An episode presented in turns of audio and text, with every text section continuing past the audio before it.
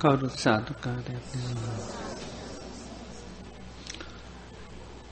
නමෝ තස්ස භගවතු වරහතු සම්මා සම්බුද්ධස්ස නමෝ තස්ස භගවතු වරහතු සම්මා සම්බුද්ධස්ස නමෝතස්ස භගවතු අරහතු සම්මා සම්බුද්ධස්ස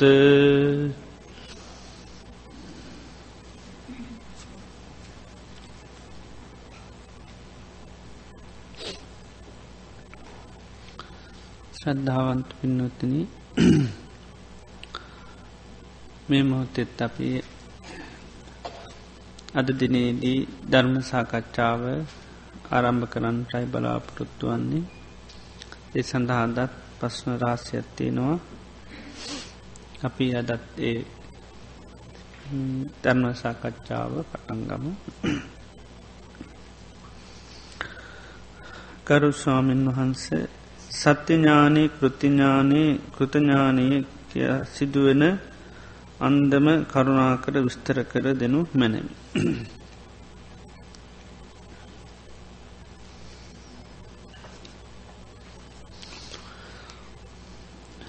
ධම්මචක්ක පවත්තන සූත්‍රය දේශනා කළ තියෙනවා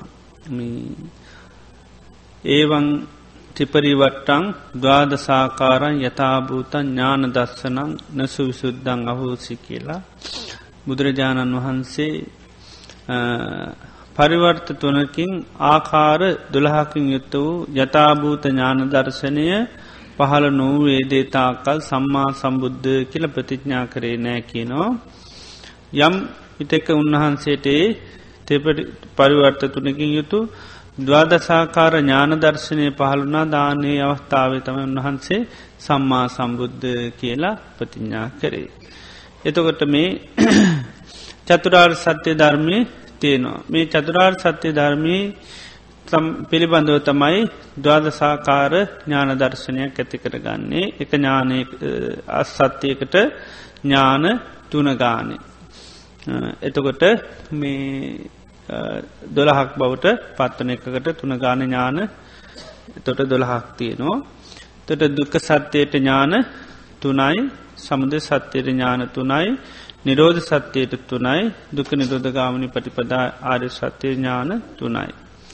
තොට දුක සත්‍යය පිළිබඳව ඥාන තුනක් ඇති කර ගන්නඩනේ තමයි දුක ආර්ය සත්‍යයක් හැටියට අවබෝධ කර ගැනීම. ඊළඟට ඒ දුකට කළ යුතු දෙයක් තියෙනවා.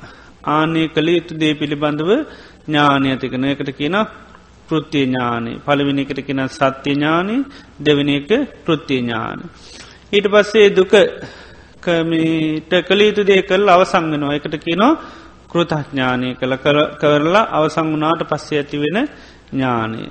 එතෝට පළවෙනි එක සත්‍ය ඥානය දෙවනි එක කෘතිය ඥානය තුන්ග එක තමයි කෘතඥානය. ඊළඟට දුක්ක නිරෝධය ගත්තත් ඒකත් සමුදය ගත්තත් එතනත් ඥානතුනත් තියෙනවා දුක හටගන්න මේ හේතුව කියයා හරියටම අවබෝධ කරගන්න එක තමයි අන්න සත්‍ය ඥානී. ඊළඟට ඒ සමුදේට කළේතු දෙයක් තියෙනවා. ආනේ එක කළේතු දේ අන්න පිළිබඳුව මේ ඇති ඒකට කියෙන කෘති ඥාන ඊළඟට ඒ කළ යුතු දේ කරලා අවසං වනාට පස්ස ඥානයකට කියෙන කෘතඥානය කියලා.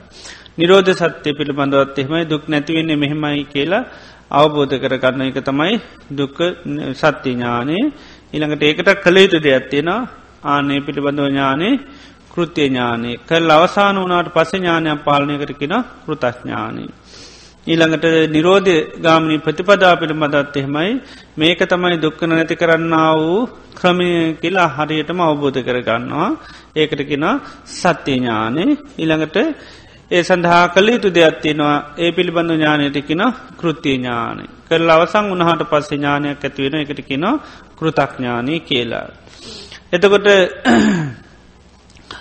මේ දුක්ක සත්‍යය ගත්තහම දැන් මේක තමයි දුක කියලා යම් විටක කෙනෙකුට අවබෝධ වනානම් මේක තමයි දුක කියලා. ආන එතකොට යට සත්‍ය ඥානී ඇතිවෙනවා. ඒක අපි මේ සමත විපස්සනා භාවනා කිරීම තුළ විශේෂයෙන් විපස්සනා භාවනා කිරීම තුළ අපි නිරන්තරයෙන්ම මේ දුක පිළිබඳව මේ දේවල් දුක කියලා අවබෝධ කරගන්න අපි මේ භාවනාව යෙදෙනවා. එතකොට අපට මේ කාලයක් කරකට යනකොට අන්න විශේෂෙන් පංචුපාදානස්කන්දය ගත්තොත් ඒක ආදීනුව බලන්න බලන්න මොකද වෙන්නේ ආන ඒක දුකක් හැටියට අපිට අවබෝධගෙනවා. දැන් අර පංචුපාදානස්කන්දය අපිට පිළිබඳව දුකක් හැටියට නෙවේ පේ නිශැපක් හැටියට. ඒ නිසාම තමයි පංචුපාදානස්කන්දයට ඇලිලා තියෙන්නේ. ඉතිං අපි සේ සද්ධර්මශ්‍රවනය කිරීම තුළ අපිට මෙන්න මේක දුකක් කියලා කියන. ඒ නිසාහිට පස්ස අපි ඒ දුක අවබෝධ කරගන්නන්න මහන්සි ගන්නවා. ඉතින් යම් දවසක ඒ විදිහට අපි පුරුදු පුහුණු කරගෙන යනකොට යම්වෙලාව අපිට අවබෝධනුව මේක තමයි ඒ කාන්තෙන්ම දුක කියන එක ඒකයි. සත්‍යය කියල්ල කියන්න සත්‍ය ඥානය කියල කැන ඒ ආය කවදාක්වත් වෙනස් වෙන එකක් වෙන්නේ නෑ තත් සත්‍යය කියනක තොන්න තතා අවිතතා අනං්‍යතා තතා කියන්නේ එසේමයි මේක දුකමයි කියන එකයි. අනන්‍යතා වෙන එකක් නෙවේ වෙන තත්වකට මේක පත්වවෙන්න මේක දුකමයි. ඒකයි. තත්තා අවි තතා වෙනස් වෙනන අනං්‍යතා කියන වෙන සාක දෙයක්කට මේක පත්වෙන්න මේ ඒකාන්තෙම දුකක් කියන අවබෝධයට යා එනවා ඒකයි. වෙනස් නොවෙන ස්තීර වසයම යාගේ හිතේ පේටනවා මේක තමයි දුක කියලා. ඒකම යාට අවබෝධයනවා මේ දුකට මොකක්ද කරන්න ඕනි. ඒ තමයි දුක්කං පරිින්යේ යන්දුක අවබෝධ කරන්න ඕනි කියලා ඥානයක් පාලන. ඒ නිසා ඊට පස්සයා පුළුවන් තරං උත්සා කරන්නේ දුක අවබෝධ කරගන්න. දුක අවබෝධ කරගන්න තවත් ඒකයි මේ පංචපාදානස්කන්දය පිළිබඳව තවදුරටත් ඒක අවබෝධ කරගන්නයා මේ ඒක තියෙන ආදීනු බලනවා. බලනකොට කාල යනකොට මේක සම්පූර්ණ පත්‍යක්ෂ වසයෙන්ම අවබෝධනවා. ඒ අවබෝධ වනාට පස්සේ මට අවබෝධ වනා කියලා ඥානයක් ඇතිවෙනවා. ඒ තමයි අන්න කුතක්ඥානය කියල කියන්නේ. ඒක ඇතිවෙන්නේ කාටද අන්න රහත් වන හම තමයි ඇතිවෙන්නේ භාගිතුන් වහන්සට තමයි මුලින්ම ඇතිවුණේ ඊට පස්සේ අනි රහතන් වහන්සේලාටේ අන්න කුතක්ඥානය ඇතිවෙනවා. ඊළඟට සමදය පිළිබඳවත් එහෙමයි මේක තමයි දුක හටගන්න හේතුව කියලා හරියටම අවබෝධ වෙනවා. මේ නිසා තමයි දුක හටගන්න කියලා. දැන් අපිට සාමාන්‍ය ලෝකෙ නිතරම අපි හේතු පල දහමක් හැටියට බලන්න නැති නිසා හැමදා හැම්වෙලේම බාහිරෝතමයි දුක හටගන්න හේතු හැටිට පේන්නේ. ඉතින් සාාවකයෝ නිතරම් බලන දුක හටගන්න හේතුවේ තමයි මේ අන්න තන්නහාාව ප්‍රධාන තන්නහාව තමයි දුක හැටීම හේතුව විවිධ කෙලෙස් උපකාර වෙන එක ප්‍රධාන දේ තමයි කැමැත්ත කැමැත්ත නිසා තමයි නිතරම දුක හටගන්න. තැන් අපිට අපි කැමැති නිසා දුක්ක විදිනවා කියලා තේරෙන්නේ නැහැ. ඒකයි. කැමැත්ත නිසා දුකහට ගන්නවා කියලා අපට තේරෙන්නේ නිසා අපි පුළුවන්තරන් දේවල් අල්ලාගණ්ඩ තමයි නිතරම බලන්න. හැමදේම අල්ල ගැනීම තුළ සැපතියෙනවා කියලා. එතකොට මේ අන්න අවබෝධය භාවනා කරනකොට යා නිතරම අයට අවබෝධන මේ කැමැත්ත නිසා දුක්විදිනවා කළේ එතකොට තමයි අන්න යම් දවසක හරියට මාබෝධන මේ තන්නහාවයි දුකට හේතුව කියලා ආනක තමයි සත්‍යඥාන. එතකොට ඒක අන්න වෙනස් නොවෙන එකක් බවට පත්වෙනවා. ඊළඟට එයා දන්න තන්නහාවට කරන්න ඕනිමකක්ද. ඒ තමයි අන්න පහා තබ්බං. එතොට එයට ඥානයක් උදන මේක අන්න ප්‍රහාණය කරන්න ඕන එක. තන්නාව ප්‍රහා හේතුවතමයි ප්‍රහාණය කරන්න ඕනි කියෙන අවබෝධයට එය පත්වෙනවා. එතොට එයා නිතරම වෑයම් කරන්නමකක්ද තන්නහා ප්‍රහාණය තන්නහා ප්‍රහාණය කරන්නන් තන්නහාාව තන්නහාාව පජංචිල ඇලින්න කොහෙද කියල බලන්න තොටේ පංචුපාදානස්කුන්ද ආයතන තුළ තොට ඒවා පිළිබඳ ආදීනු බලනවා ඒ බලන්න බලන්න අර තන්නහාවමකද වෙන්නේ ප්‍රහාණය වෙලා යනවා. එකයි. ආනේ ප්‍රහාණු වෙලා යම් දවසක ප්‍රහාණුනා කියලා අබෝධනානං එකට තමයි කෘත්ති ඥානය කියන්නේ. කෘතඥානය කියලා කියන්න. එතොට දැන් සාමාන්‍ය ලෝකය තුළ නිතරම අල්ලා ගැනීම තමයි සැප හැටියට පේන්නේ. එතොට මේ දේවල් පිළිබඳ ආදීනෝ සලකන සාාව කරතයන මේ ඇතහැරියොත් තමයි සැපතියෙන්. ආන එතකොට මේ දුක නිරුද්ධ කිරීම තමයි අන්න මේ සාක්ෂාත් මේ කැනෙ දුක නිරුදුකන්ඩ තන්නහාව නිරුද්ධ කරන්න ඕනි කියන අවබෝධයටන තන්නහාව තිබුණොත් තමයි දුක තන්නහාව නැත්තන් දුක නෑ. ඒකට තමයි නිරෝධ සත්‍යය කැනෙ තන්නහාව කියනක නිරුද්ධ කරන්න ඕන කියන ඥානයක් ඇතිවෙනවා. එතකොට නිරෝධය කියන එක පත්්‍යක්ෂ කරන්න ඕන කියලා එයාට අවබෝධන මේක නිතන පත්්‍යශ්‍ය කරගන්න තමාතුලින්. ඒ නිසා තන්හාාව නැති ස්වභාවයක් ගින්ඩෝනි එතකර තමයි නිදහස් වෙන්න පුළන් තන්නාව තියන්න තාක්කල් නිදහස් වෙන්න බෑ එක තමයි කෘතිය ඥාන. ඊළඟට ඒ තන්නාවෙන් නිදහස් වෙනවා ඇතු නිදහස් වනාම නිදහස් වනා කියලා දන්න. ඒක තමයි අන්න කෘතක්ඥානය ඒ තන්නහම නැතුව නහම අන්න තමාතුළ තන්නාව නෑ කියලා එක පත් ඇශ්‍ය කරගන්නවා.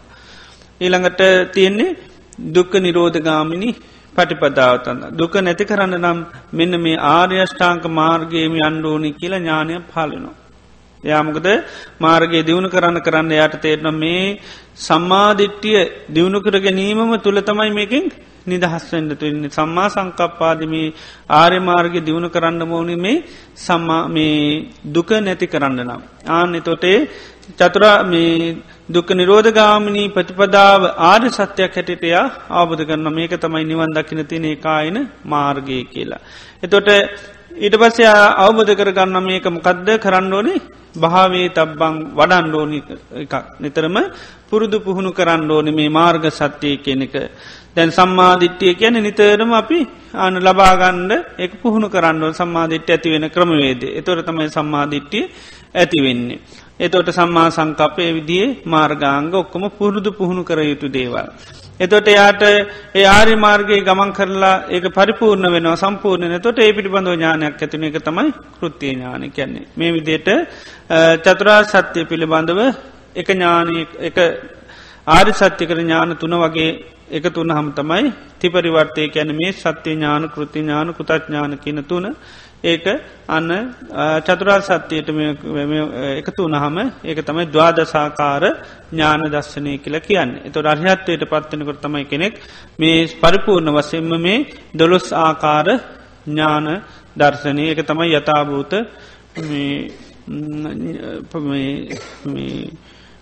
පටිපදා ඥාන දර්ශනය කියල කියන්න. ඥාන දස්සන විසුද්ධිය කියල කියන්නේ ඒකටයි. සම්පූර්ණම මේ දවාදසාකාර ඥාන දර්ශනයා ඇති කරගන්න එක තම ඥාන දර්ශන විසුද්ධිය. එතකොට මේ අපි සමත විපස්සනාවසයෙන් දියුණු කරනකොට තමයි මේ චතුරාල් සත්‍යය පිළිබඳව අපිට අවබෝධ කරගන්න හැකියාව තියෙන්.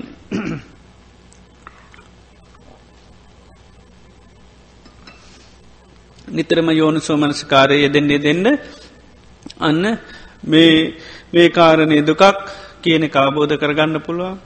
මේ පිළිබඳව තියෙන ඇල්ම නිසයි මේක හටගන්න කියලා බෝධ කරගන්න පුළන් ඇල්ම නැතිකරොත් මේක නැති කරගන්න පුළන් ඇල්ම නැති කරන්න නම් අන්න සම්මාධිට්ටීම දියුණු කරන්න ඕන. සම්මාධිට්‍ය දියුණු කරම යෝනු සමනස්කාරය තමයි තවදුරටත් කරන්න ඕන කිනාබෝධය ඇතිවෙනවා දිගින්දිකට මේ භාවනාව වඩාගෙන යනකොට.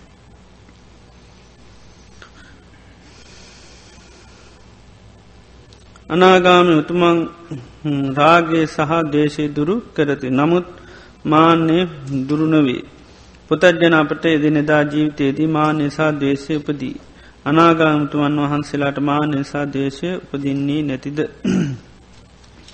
එතකොට දැන් සෑම කෙලේශයකම තියෙන ඕලාරික අවස්ථා සහ සියුම් ස්වභාවයක්. ඕලාරික සහ සියුම් ස්වභාවයන් තියෙනවා. එතෝට දැන් සෝතාපන්න වෙනකොටත් ගොඩා ක්ලේශවල තියෙන ඕලාරික ස්වභාවය නැතිවෙනවා.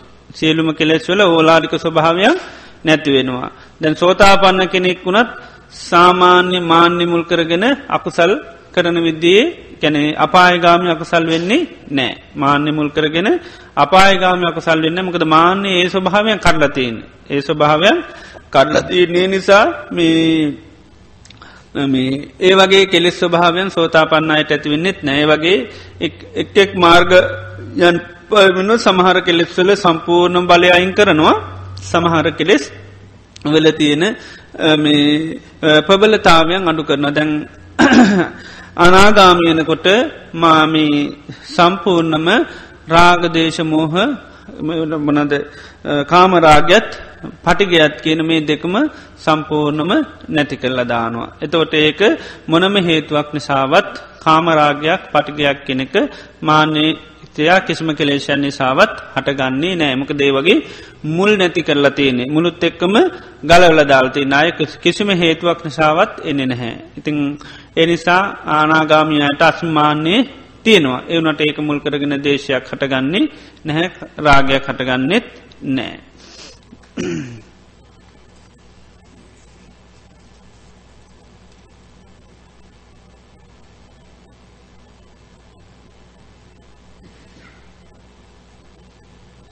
අවිද්‍යාශ්‍රව ගත්ත අනාගාමයට ප්‍රමාණයකට තින නමුත් ඒක මුල් කරගෙනට රාගය එහෙම කාමරාග හටගන්නෙත් නෑ දේශය හටගන්නෙත් නෑමක දේද ඒක මූලයන් සම්පූර්ණම සිදල දාලා තියෙන්.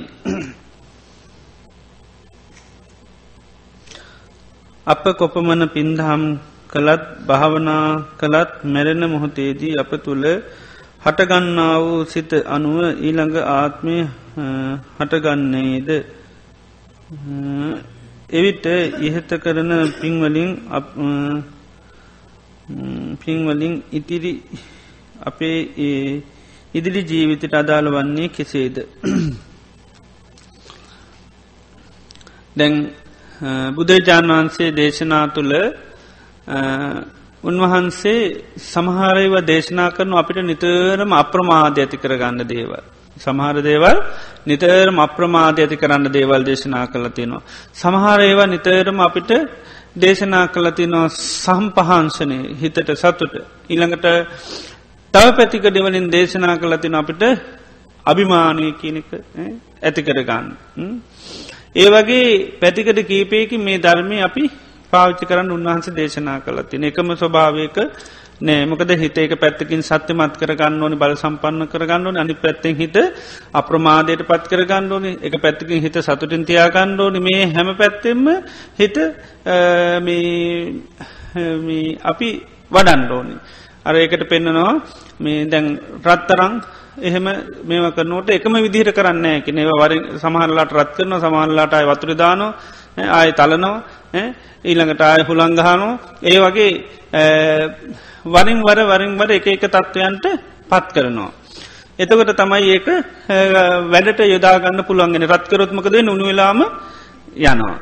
එක දිගටම රත්කරත්මක දෙන්නේ උුණු වෙලාම යනවා. ඉති ඒ වගේ මේ හිතත් එහෙමයි විධ අවස්ථාව විධ තත්වයන්ට පත් කර ගන්නඩන එක පැත්තක මේක ප්‍රමාදන හිද අප්‍රමාද කර ගණ්ඩත් ඕනි. අනි පැත්තෙන් මේ හිත සතුට කියන එක තියෙන්න්නට ඕන ඒ වගේ විවිධ අවස්ථාව මනසට අවශ්‍යයි. ඉති ඒ අවස්ථාව ඒ ස්වභාවයන් අප කන එකම ස්වභාව කර ගියොත්මකද වෙන්නර රත්තනං උුණු කරා වගේ වෙනවා. ඉතින් බුදුරජාණන් වහන්සේ සඳහා විවිධ දේවල් දේශනා කල තින තින් දැන් අප්‍රමාද ඇතිවෙන්ට නිතරම දේශනා කරපිකත්තමයි මහනන යම් වෙලාව ඔබගේ හිතේ. රාගයක් දේශයක් මොහොයක් කලේෂයක් තිය නොන ඒවෙලා මැරුණුත් ඔබ කොහ දෙයන්නේ අපා යනවා කියන. රාගදේශ මොහයක ඔබ ඉන්න වෙලාක නැතිවුණොත් අපා යනවා දැන් ඒක දේශනා කරනමකරද අන අප්‍රමාද වෙන්ඩ ඒ මොහොතේ කෙලෙස් එන්නකොට ඒවට ඉඩ දෙන්න ඇතු ඒහෙමුදේක අයින් කරගන්න. ආන්නේ එකයි. තොට සිතට කෙලේෂයක් අවත්තයා නිතරම අප්‍ර එයා බලන මේ වෙලා ම මැරුණුත්මක දෙන්න අපායනවා. එනිසා එයා කෙලෙස් තියාගන්න නෑ. ඒකයි සතියක් දෙක මාසයක් කෙලෙස් වර්ධනය කරගෙන ඉන්න මොකද කොයිවිලෙ දන්න මරණේ. ඉති එනිසා නිතරම අප්‍රමාදයට යා එකයි නිතරම අර කෙලෙස් වලට ඉඩ දෙන්නේ නෑ. ඉතින් ඒක දේශනා කළ තින අප්‍රමාදය ඇති කරගන්න. සමහරලාට දැන් ඒ හේතුව ඒ දේශනය නිසා සමහරන්න දැම්මට මරණ මෝතේ කෙලේෂයක් ඇතුනොත් මට මොකද වෙන්නේ. එතවට දුගතියටන දැන් ඒකවන ඒ දැන් මේ සමල්ලට අවුදු පනාහටකින් ගෙන කරතම දැන් ඔන්න බලාගනන්නේ. එතෝට දැන් වර්තමානය වන තරන් රාගේ දේශමහ ඇති කරගෙන ඒවතුළ ඉන්නවා. ඒක ගැන හිතන්නේ දැන් මේ මරණ මොහොතේ ඇතිවන රාග දේශමෝ ගැන තමයි අන්න බලාගෙනන්නේ. නේද එතක රිතන මට මරණ මොහොතේ මොකක් වේද දන්නේ නෑ මොන හිතක් ඒද දන්නේ නෑ. ඉතින් දැන් ඒක දේශනා කර ඒකරද නෑ. මරණ මොහොතේ කතන්තරයකට නෙවේ හැම මොහොතෙම. එත මේ මොහොතේ අපිකිම කේන්තිය කටගත්තොත් කේන්තිය කයින් කරගන්න අපි පුහුණු වෙනවා. කැන හැම ඒ අපි හුරු කරගන්න අපි කෙලෙස් තියාගන්න ඇනිතරම ක්ලේෂයක් එන හැමවෙලේ අපි හඳුනාගෙන කයින් කරන මන්න මොහොතේ අවතේ තොට වෙයි දෙ කරගන්න? පුළුවන්. ආනෙක මරණ මොහොතම කරිකර කේන්තියකින් එතට එයා කේන්තිය නිතරම පාච්චි කරන කෙන නෙවේ මක දෙය දන්නවන කේන්තිය පවතින වෙලාක මරුණොත් හොඳන නිසායා පුළුවන්තරම් හැමහොතෙම එයාගේ පුරුද්දක් හැටියට යා කෙලෙස් සාවතයා ඉක්මනි මේ කලේශය ඉංකර ගන්නමකද කලේශයට යට වෙන්න ය දන්න මේ කලේශේ තියෙන ඕනම වෙලාක මරනොත් අන්න අනතුරක් වෙනවා. ඇති එනිසා යා හැම මොහොතේ මේක යපුරදු කන අපික මේ තොට මරණ මොහොතේ අවත් එයට එතට අයින් කරන්න පුලන් පස්නයක් වෙන්නේ නැහැ. ආන්නේක ඉති මේ එතුට අප්‍රමාදය නිසා දේශනා කරපය අපි එක අන බයක් සඳහා පාවිච්චි කරනවා. එතොට නියම යොදා ගැනීම නෙවේ නිකම් බයකට අපි මේම කරනවා දැ මේක අප්‍රමාදී වින්ඩ නිතරම ප්‍රමාදවෙන් නැතුව කෙලෙක්සලට ඉට දෙන්න ඇතුමක දේතරම් අනතුරක් කෙලෙස්වල තියෙනවා. ඇති ඒ නිසා දැන් කෙනෙ කුරු කරගත්තොත් ඒ විදිහට මේ එයාට අන්න නිතරම ඕන වෙලාක කෙලෙ සාප ගමම අයින් කරගන්න හැකියාව තියෙනවා. ඊළඟට දැන් අපිට අනි පැත්තෙන් අපේ මනසට සත්තුට සත්‍යය ඇතිකර ගන්න යුතු පැතික මේවා දේශනා කළ තින භාවනා ක්‍රමත් තියනවා.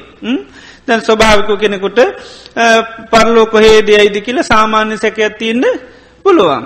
ඉතින් ඒවාදී සාාවකයාට අන්න තමන්ගේ පරලෝ ජීවිතය ස්ථාපිත කරගන්න පුළුවන් භාවනා ක්‍රම තියනවා.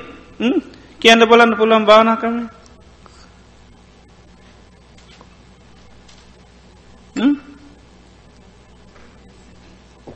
ගදද දේවතානුසතිය කියලා තියෙනවා.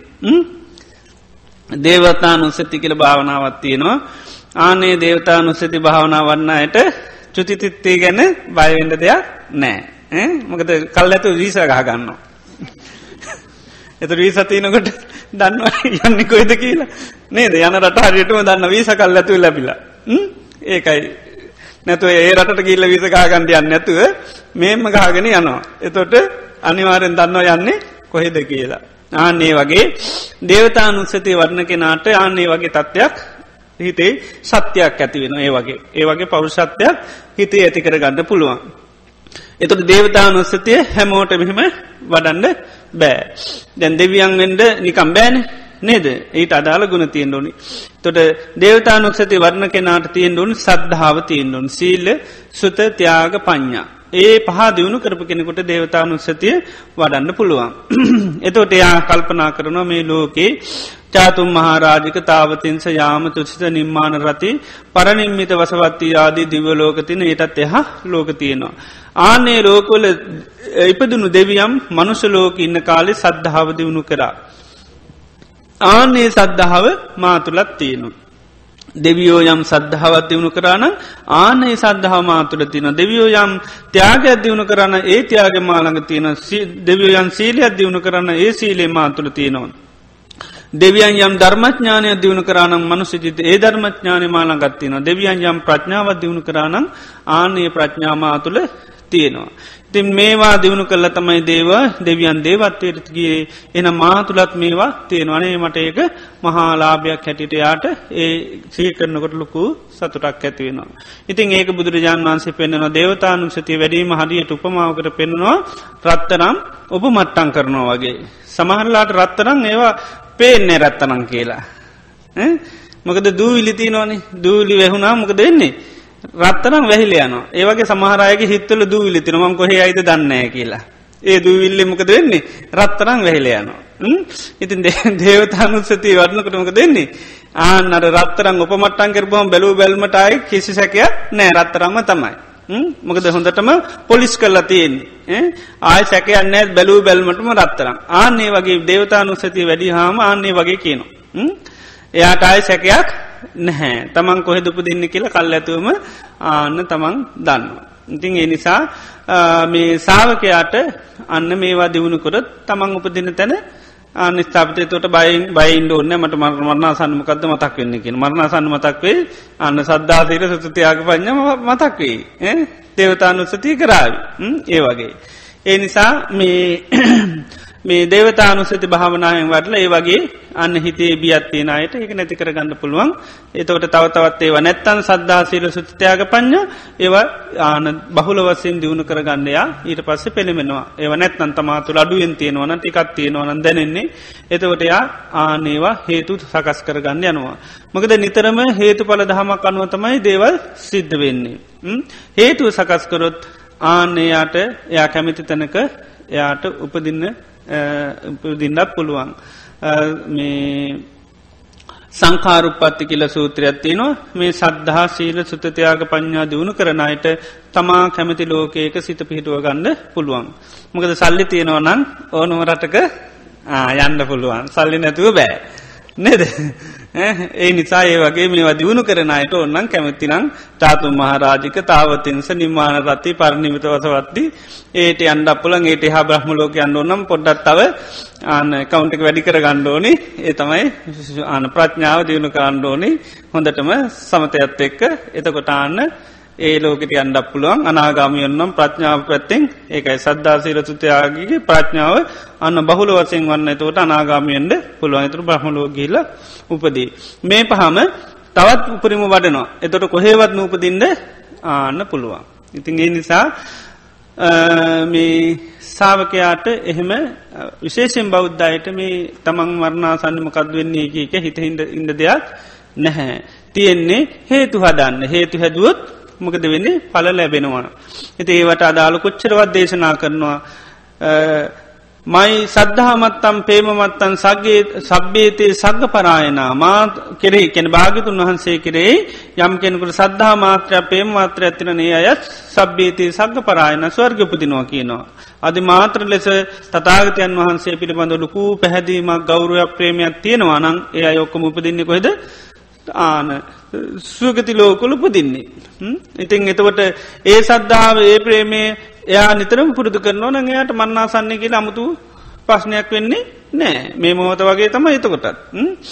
එතකොට තව පෙන්නනවා ඒකේචි බුද්ධං සරනංගතාසේ නතේ ගමන් සන්ති අපායම් පහායමානුසකන් දේහන් දේවකායම් පරිපුරස යමෙක් බුදුරජාණන් වහන්සේ සරණ ග්‍යානන් නතේ ගමි සන්තිය පායකට අපායන්නේ නැහැ. පහායමානුසකන් දේහන් දේහකායම් පරිපූරිස් සන්ති. එය අය මිනිස් දේහ ඇතෑරියට පසේ දේවත්වයට පත්වෙනවා. ඇති එනිසා හරියට බුදුරජාණන් වහන්සේ සරණ ගියානං සරණයන්නවා කියන වචනයෙන් කියන එක විතරක් නෙවේ. තමාගේ ජීවිතයේ ආධ්‍යාත්මිකව ගුණ දියුණු කරන්න එම නැත්තං තමන්ගේ මාර්ගෝපදේශකයා බවට පත් කර ගණ්ඩෝනි තතාගතයන් වහන්සේ. උන්වහන්ස කියන මාර්ගය තම යන්ඩෝනි උන්වහන්ස මේ මැරෙන්ඩිකුව තේ මැරෙන්ඩෝන් ඒ විදියට එතොට තමන්ගේ මාර්ගෝපය දෙක දේශකත්වය සඳහා අන්න තතාගතයන් වහන්සේ පිළිසරණ කරගන්න එක තමයි බුද්ධන් සරණන් ගච්චාම ඇතුම වචනයෙන් කියන එක නෙවේ වචනයෙන් කියල වෙනන දේවල් වෙනයගේ මාර්ගෝපදේශකයම් පාච්චකරොත් අන්න තෙරුවන් සන්න ගිහිල්ලා නැහැ. ත හරියට ඒකයි කෙනෙක් බුදුරජාණන් වහන්සේ සරණ ගියානං ආන්නේ අය ඒ කාන්තෙම සුගතිය උපදිනවා. ඉතිේ නිසා අපිට තියෙන හේතු හදන්ඩ හේතුහට හැදුවට පස්සේ අනිවාර්යෙන්ම ඒකේ මේ පලි අනිවාර්යෙන් ලැබෙනවා. මොකද මේ ධර්මයේ ස්වභාවේ තමයි ධර්මයම ධර්මය දියුණු කරන කෙනා ආරශ්ා කරනවා. ආමී දම්මෝ හවේ රක්කති ධම්මචාරී දම්මෝ සුචින්නෝ සුකමාවහාති. ඒසානි සංසෝ දම්මෝ සුජින්නෝ මෙන්න මේකයි ධර්මී හැසිරීමේති නානි සංසමකක්ද. නදුගතින් ගච්චති ධම්මචාරි ධම්මචාරි කෙනා දුගතියන්නේ. එතොට ඒවා අපිට හොඳට සහතියෙන්නුන අපි ධර්මචාරිනම් දුගතියන්නේ. ආනකයි. ඒක තමයි ධර්මයෙන් ආරශ්ා කරනවා කියෙන තර ධර්මයෙන් ඉන්නවා නම් ධර්මයට ආරශ්ාවදනවට වඩා අපි අවසාන හිතට ඉඩ දෙෙන්ඩ ඔන්නේ. අපි ධර්මය ඇසුරු කරානං ධර්මයෙන් අපි ආරශ්ා කරනවා කියන මතේ හිටිය මහරි ආනකයි අපිට මේ අවසානමකක් වෙන්නේ කියලා බයෙන් හිටියොත් එන්නෙමකක්ද බයතමයින්නේ ආන්නේකයි. එතකොට ඉතින් මේ මොකක්ද මතක් කරගන්න කියලා ඔක්කොම මතක් කරන්න කිපමක දෙන්නේ. හිත කොමත් කැමති අකුසල් මතක් කරගන්නද එන්න අකුසල ඇත්තමයි ආන්නේකයි. ඒ නිසා මේ අපිට ඒක අදාළ නැති දෙයක් අදාළ නැති දෙයක් අපිට තියෙන්නේ කල් ඇතුව ආන අවශ්‍ය ප්‍රතිපාදන සම්පාධනය කරගන්න ඇරෙන්න අපිට වෙන ඒ අවසාන මොහොත අපිට අදාළ නැහැ. ඉතිේ නිසා වර්තමානය හොඳට කටයුතු කරොත් අනිවාරයෙන්ම අවසාන මොහොත කියන එකත් අපිට සකස් කරගන්න පුළුවන්. ඒ නිසා වර්තමානය හොඳට මේ ධර්මය දියුණු කරගෙන යන්න ඒ ගැන බයවෙන්ඩ දෙයක් නෑ බය වුණොත් ඉතින් වෙන්නේ ඒ බය සිතවිල්ල තමයි පෝෂණි වෙවී යන්නේ. එතොට මේ මරණාසන්න මොහොතෙත් අනේ මට මොකක් මතක් වේද දන්නෑ කියල තමයි එන්නේ. ඉති නිසා අපිට ඒක අදාළ සිතිවිල්ලක් නොවේ. අපිට තියෙන්නේ මම මේ තතාගතයන් වහන්සේ දේශනා කරපු ධර්මය ගමන් කරන ධර්මී තුළින් ධර්මය රකින කෙන ආරශ්ා කරනවා දැම් සීලයානි සංසයක්මකක්ද අසම්මූල්ලෝ කාලංකරෝති මරණාසන්න මෝතේ සිල්වත් කෙන කල්ලය කරන්න එන සිල්ලත්තුනත් තිවරයි වැඩේ නිකම්ම ගොඩ ගිහිල්ලා. නේද. ඊළඟට කියනවා මරණින් මත්තය සුකති උපදින සිටලත් කෙන. ඉතින් දෙකම තියනනේ මරණාසන්න මොහොතේ මුලාවෙන්නෙත් නෑ මරණින් මත්තේ සුගතියත්තු පින එතර කරන්න තියනමකක්ද. අන්තිමගේ හිතේ ගැන හිතන්න නෙවේ පිරිසුදුව සීලි අරශ්ා කරන්න. ඒ නිසා අද මැරෙන්ඩ පුළුවන් එනිසා අදත් පුළුවන්තරන් සීලෙන් ආන පිරිසුදු වසය කරනවා. ඉළඟට මෛත්‍රී භාවනාවත් පියන්නේ නේද. මරණාසන්න මෝතය කාලේදයා අන්න සිහිවි කල්වෙන නෑ. මරණින් මත්තයා අනිවාරයෙන් සුගතිය යනවා. මෛත්‍රී හොදට වැරිච්ච බ්‍රහ්ම ලෝකෙ අනිවාරයෙන් උපදිනවා. ඉති නිසා මේ හරියට ධර්මය දෙවුණු කරනවා නම් එහෙම අමුතු බියක් ඇති කර ගන්න දෙයන්න අපිට තියෙන එකයි අඩුම ගාන අපි සීලි හරියට පරිපූර්ණ කරගෙන හිටියුත් අපට මන්නාසන්න මොතේ සිහිවි කල් වෙන්නෙත් නැහැ සීවි කල්ලල මැරෙන්න්නෙත් නැහැ මරණින් මත්තේ දුකතිය කියන්නෙත් නැහැ. එනි සවසාන මොන හිත දෙන්නේ කියන එක අදාළ නැති කාරණාවක්. ඒ ගැන හිතුවත් නිකං අනවශ්‍ය බිහක්. මේ මොහොතේ හිත ගැන විතරක් බලන්න. අද දවසේ මගේ හිතේ රාගදේශ මොහොතියනවාද. මේ රාගදේශ මෝතියන වෙලා කද මෙරුණුත් මං කොහෙද යන්න ඒක විතරයි බලන්න කියන්න. ඒක මන්නාසන්නේ බලන කන්නෙවේ මේ ඒ ඒ දවසේ මොහොත බලලා ඒ කෙලෙ සයින් කරගන්න මහන්සි ගණ්ඩුවන්.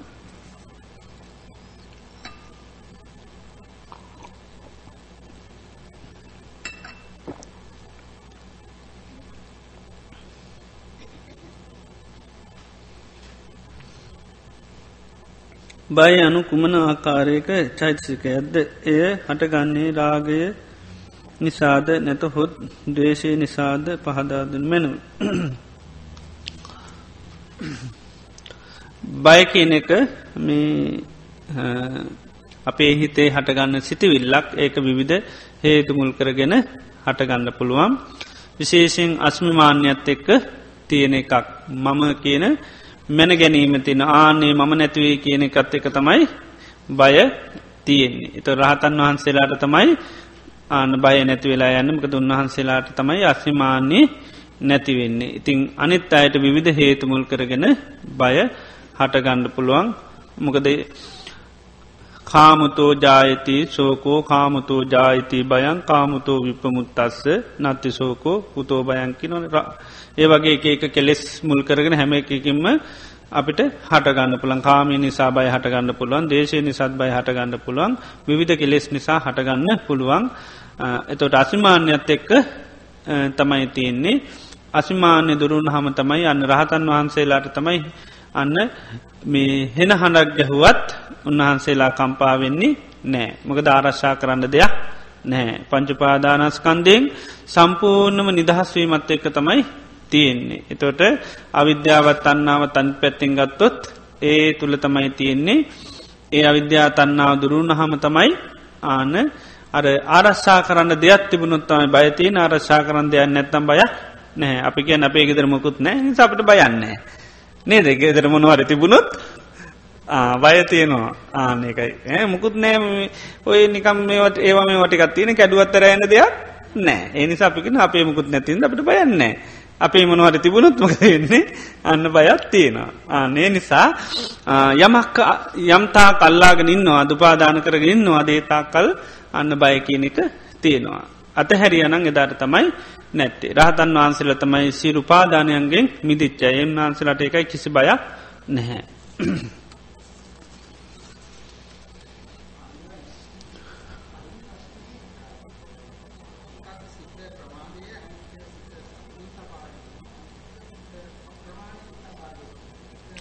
මගේ පෞරුෂත්වය කෙනෙක හිතට තියෙන අපිට කැනෙ අපිට දැන් තෙරුවන් සරණයමතිර ලැබිල තියෙන ඒ මේ එකට අපි අභිමානය කියල කැන පිළිබඳව අපි යම් සත්‍යයක් ගණ්ඩෝනේ අපි තෙරම ම තෙරුවන් සන්න ගිය කෙනෙක්.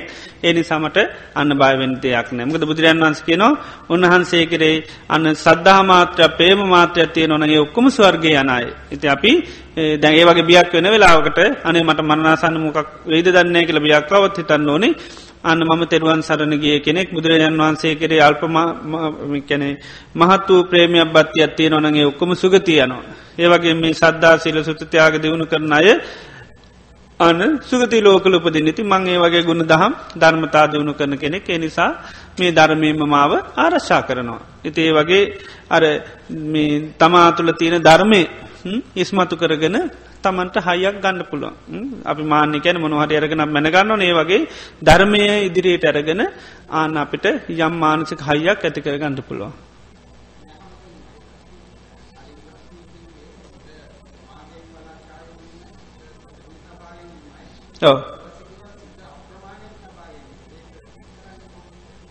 අප්‍රමාණය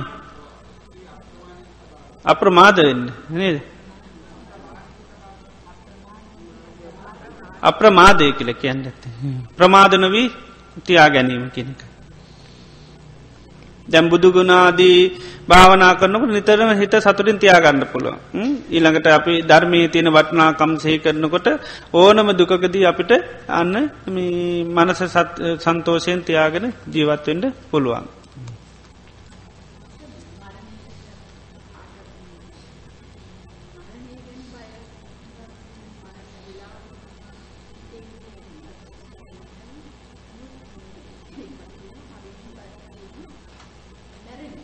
ඕ ඒ අයට මැරෙනවාම කිය මැරෙනවාම කියල පිළිගණ්ඩ කියන්න නතොට අරේති බයවෙන්න දෙයන්න ඇත නේද? ඒකයි. ඒකයි මරණ සතියම වඩන්න ඕන. ඕ මර්මානුස්සති වඩන්න ඕන. මොකද ඒක පිළිගණ්ඩ ඕනේ දැම් පිළිගණ්ඩක් මැති නිසාන බය. ඒකයි. අපි අපිට ඒ අපිට උරුම දෙයක් ඉති උරුමදේ අපි අනිවාරෙන් බාර ගණ්ඩෝනි ඒක බයවුනත් නැතත් අනිවාරය මරණයට පත්වෙනවා. ඉතිේ නිසා භාරගත්තොත් ඒක අන්න පහසුවෙන් යන්න පුළුවන්. නේද. ඕ ඒ වෙන්න මෙහෙමයි ඉතින් ගොඩක් ජීවිතේ පරලෝ යන්ඩ දේවල් නැතිවුණාවත් බය වෙනවා ඇතින් දැ මෙහ සල්ලි නැතුන ලංකාවට අන්ඩකිවම් බයයින ගිල්ල කොමද ජීවත්තෙන්නේ කියලා ආය යන්ඩ කිවවාම ලංකාව සල්ලි නැත්ත යන්න බෑ. ඉති සල්ලි තියෙන නාකමන්න යන්න. මේ ඉන්ට තියෙන දෙන්න ඇත්තම් වීස ඉදිරියට. ආයන ලංකාවට කියල ජීවත්තන මොකද අවශ්‍යව පල්ලි තියෙනවනම් පස්්නයන්න ඒ වගේ මරණ බිය ගොඩක් ඇතිවෙන්නේ අර අන්න අකුසල් කරපු හම ආනයකයි ඊළඟ ජීවිතය පිළිසරණන්න නැතුන් හමත් බය ඇති වෙනවා. ඉතින් ඊළඟට මේකමින් ඉන්ඩෝනි කියන තැන හිටියහම මේකෙන් යන්ඩ වෙයි කියලා එන්නකොට බය හිතෙනවා. ඉතින් අපි හෙමන මේක මේ තාවකාලික නවා තැම්පලක් විතරයි. කොයි වෙලේ කොයි මොහොතේ යන්ඩවෙද දන්නේ නෑ. එතවට ඉතින් මේ එතන අපි ස්ථාපිත ජීවිතයක් ඉන්න නැහැ. යන්ඩ කියන වෙලාවක යන්න බලාපොරොත්තියෙන් ඉන්න ඩුබායි වගේ. ඩුබායිවලින් අයට දෙන්න නේ පුරුවසි භාවය නිසා ඒ කට්ටි කොහල අර යන්න සූදානමින් ඉන්ඩෝනි නේද? මේ අර ගෙවල් දාලා ලංකාවරයට ගෙවල්ලා දා ඉන්ඩෝනි නේද? ආන්නේ වගේ ඉති මේ ජීවිතය අපි ගත කරනකට මේ අපිට මේ ස්ථාවර ලැබිච්චි ඉන්න ලැබිච්චි අවස්ථාව නෙවේ මේක මේ තාව කාලික ලැබිච්චිය මේ මොහොන් ටිකට්ක කොවේ ලැබෙයිද දන්නේ නෑ එතකොට අන්න ඒකයි මරණ සතිය වඩනයට මරණ බියක් නැහැ. මේක ඉන්ඩාව උනාම තම යන්ඩ කීනකොට අනිත් අය ඔයාටත් යන්ඩ වෙනවා කියලා කිව්ව ගම බය වෙනවා. අන්න එක එතේ නිසා අර මරණ බියතින අය මරණ සතිය වඩන්න ඕනි. මේ අපි ඒකයි මේක මේ අපි කාටත් පොදු සාධාරණ මට විතරක් නවේ අර උදේ සූත්‍රයකිවේ මං විතරක් මේ මරණයට පත්වෙන්නේ මේ ලෝක හැමෝම මරණයට පත්වන ඇති මේ මරණය ගැන බියබිය වියවී මම කම්පාවවී සැරි සැලි හිටියත්මකද වෙන්නේ? ආන ජීවිතේ සාමාන්‍ය දේත් මට කරගන්න බැරි වෙනවා. ඉතිේ නිසා මරණ බිය නැති කර ගණ්ඩ පුළුවන් මරණ සතිය වර්ණකොට.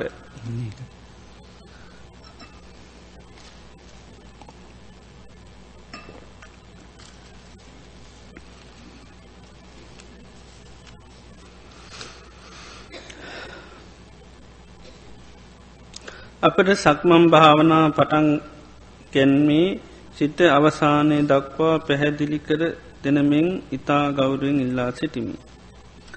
සිහිය පිහිටුවන තෙක් සිත එකලස් වන තෙක් වේගෙන් සක්මං කර ඉම් පසුව වේග අඩුකර සක්මං භාවනා කිරීම නිවැරදිද යන්නත් අනුකම්පාවෙන් පැහැදිලිකට දෙනමින් ඉල්ලා සිටිමි. එතොට සක්මම් භාවනා ගත්තාම් අපි කම කේපයකට කරන්න පුළුවන්. විශේෂෙන් ආනාපාන සතියහෙම වටනයට සක්මම් භාවනාවට ගේපුවාම ඉරියාව පිළිබඳව හොඳට සිහ පීටවාගෙන සක්මං කරන්න පුළුවන්. සක්මම් භාවනා කරනකට පුළුවන්තරම් වේගේ අඩු කරගන්න තරමට හොඳයි. සරීරයේ සමල්ලාට අපිට සමත් නිදි මතකතියක් වේ වගේ අප්‍රාණි ගති ඇති නොන්ටිකක් වේගෙන් එහෙමේ පොඩ්ඩක් සක්මං කරාට කමන්නෑ. එහෙම නැති හැම් වෙලේම් පුළුවන් තරං අන්න හිමීට කරන තරමට හිත සමාධිකත්වෙන මොකද හිත කය තැම්පත්වෙනකොට හිතත් තැම්පත්වෙනවා කයවේගවත් වෙනකොට හිතත් වේග වෙනවා. සාමාන්‍යෙන් කය වේග වෙනට හුස්මත් වේග වේගවත් වෙනවන. නේද? වේගෙන්ගේ පාම හුස්මත් වැඩි වෙන වේගේ. ඉති ඒ නිසා සක්මම් භාවනාවේදී පුළුවන්තරම් වේගේ අඩුවෙන් කරන තරමට තමයි ඕනම භාවනාවක් කරනකොට සක්මං ඉරියව්ව කියන එක බොහෝම හිමීට තබමින් තමයි වෙනත් භාවනමන අපි ගත්තොත් මේ මෛත්‍රී භාවනාවයි කරනයට ඒ සක්ම නිදිත් මෛත්‍රී කරන්න පුළන් හැබැයි අර ඉරියව් අපි සාමාන්‍ය විදියට හිමීට තියමීම කරන්න ඕනි. ඉතිං ඉරියව් වසයෙන් බලලා සක්මං කරනයට ඉතින් සක්මනී කරන ඉස්සල්ලාම ගිහිල්ල තමන් සම සක්මං කරන්න තීරුවක් මෙම කරගන්න මේතරමන් සක්මං කරනවා කියලා. ඊට පස්සේ ඒ තීරුවේ ම හොඳ සක්මං කරන්න ඉතිං සක්මනය කරවට කියල හිටගෙන ඉස්සල්ල තමන් සහ පීටුව ගන්න දැම්මම් මේ හිටගෙන ඉන්නේ. සේ කල්ල දැම්මම් මේ සූදානං වෙන්නේ සක්මං කරන්න. මේ සක්මාං භාවනාවෙන් කියන්නෙත් බුදුරජාණන් වහන්සේ අපිට භාවනා කරන්න දේශනා කරපු ඉරියව්වා. ඒ සමං හොඳට සිහිය නුවන පෙරදැරි කරගෙන මේ සක්මනයේ යෙදෙනවා. ඊළඟට සක්මං කිරීමේ භාවනාවති නාන් සංසත්තිතලා ඊට පස්ස මං හොඳ සිහියෙන් කල්පනාවෙන් දැම්මේ ඉදිරියට ගමන් කරනවා කියලා අන්න පයවසෝනකොට ඔසෝනවා යවනකොට යවනෝ තබනකොට තබනවා කියලා පියවරට හොඳට සිහිතියාගෙන දිගටම ඉතින් සක්මං කර කර යන්න පුළුවන්. හිතේ සක්මනෙත් හිත දුවනවනං හොද නිතරම මං බොහෝම සිහියෙන් කල්පනාම මේ සක්මං කරනවා කියලා සිහි උපදවාගෙන මේ කෙරවර දක්වා ගේල්ලා කෙරවටගේ පාම නවතු නාම නැවතුන බව සිහි කරනවා ඊට පස්සේ හැරනකොට හැරන බව අය හැරල හිටගෙන ආයත් ඉන්නරියාවට සිහි පීටවාගෙන දැම්මං ආයමත් ඊළඟ පැත්ත කරා සක්මං කරනවා මෙතනිදිත්මම් සෑම පියවරක්ම සිහියෙන් තබමින් හොඳ සිහි කල්පනාමෙන් කරනවා කළ ආයෙත් අනි පැත්තට සක්මං කරනවා. ඒ ඉරියව් විදිහට. ඉල්ළඟට මෛත්‍රී භාවනා වගේ කරනවා නං අර වගේම මේ සක්මනය කරවට ගිහිල්ලා සිහ උපදවාගෙන දැම්මන් සක්මම් භාවනා කන මේ මොහොතේදීත් මම සියලු සත්‍යයන්ට මෛත්‍රී කරනවා කියලා අර මේ මෛත්‍රී සිත පවත්තමින් සබ්බේ සත්තා බවන්තු සුකි තත්තා කියලා.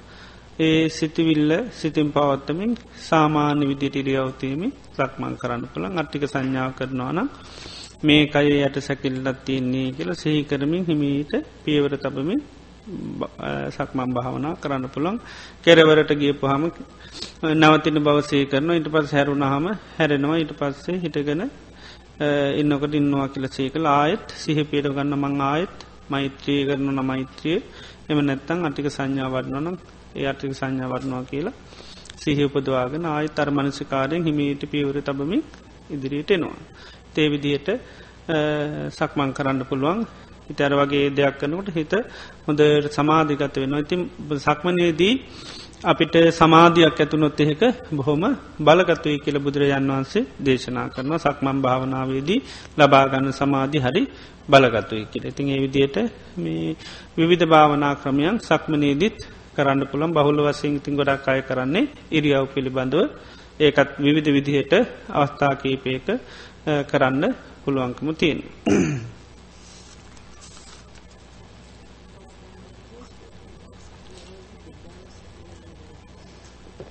පුළුවන්.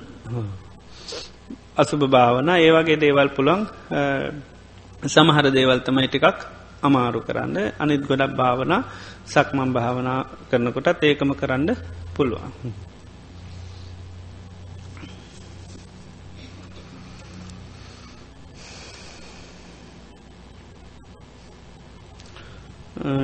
ඔබහන්සේ දේශනා කළ අලබනීය ධර්ම නිතර නිතර සීගන්වා අවබෝධ කිරීම ජීවිතයට හමුවන සිලු ධර්මතාවයන් කෙරෙහි උපේක්ෂාවෙන් බැලීම හුරු කරවා හුරු කරනවා නේද. මෙය නිබිදාට යමුණආකාරය පහදාදන මැනව. පෙරදිනයට අදාළොයි භවයකින් භවයකින් පසු නැවත්ත භවයක් ලැබීමේදී ප්‍රතිසන්ධි විඤ්ඥානය සම සමග පංච උපාදානස්කන්දේම පහළ වෙනවාද? ඒ ඒෂනීකින්ම ද?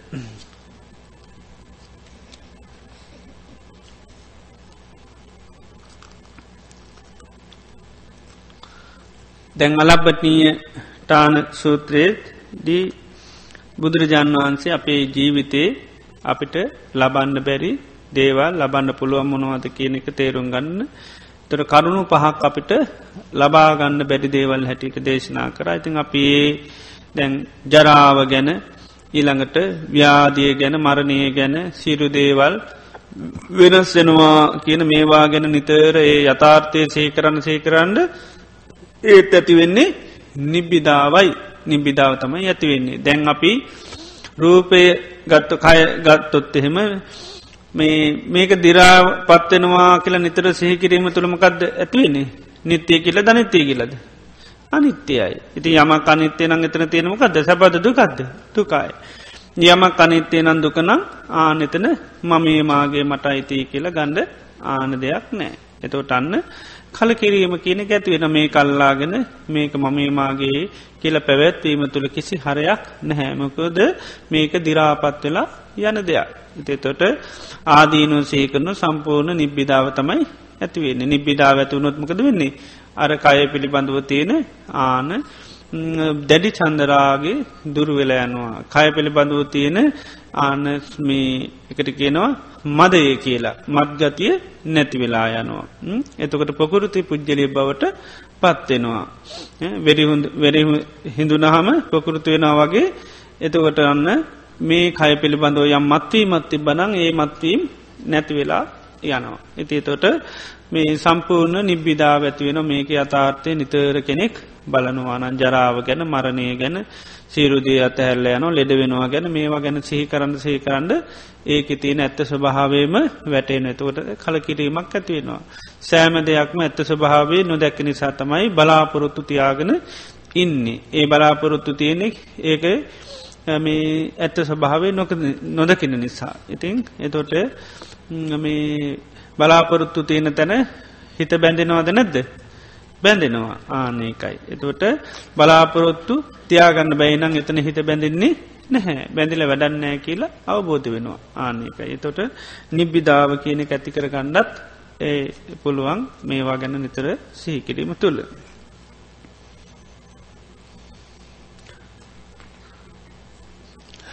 එතොට අපි මේ මරණින් මත්තේ අපි ප්‍රකාශ කරේ අපි ඊළඟ ජීවිතයකට යනකොට අපේ මැරෙන්නෙත් පංචුපාදානස්කන්දයක් ආය පිළිසිඳ ගන්නවා කියලා කියන්නෙත් පංචුපාදානස්කන්දයක් විඤ්ඥානය සාමාන්‍ය අපි කියනවා විඤ්ඥානය පිළිසිඳ ගන්නවා කර නමුත් ඒක තියෙන්නේ අන්න මේ පංචුපාදානස්කන්දයක් තියෙන්නේ.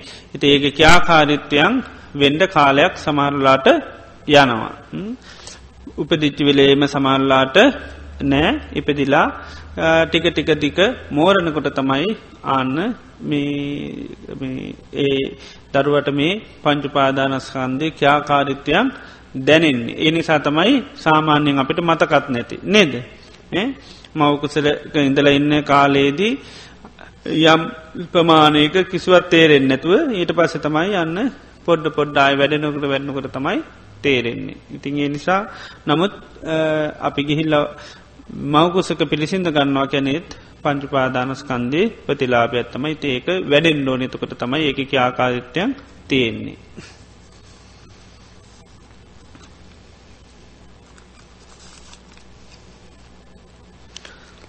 සමාධිය වැඩීම තුළින් පමණක් අප බලාපොරොත්තු වන මාර්ගඵලයට යාගත හැකිද.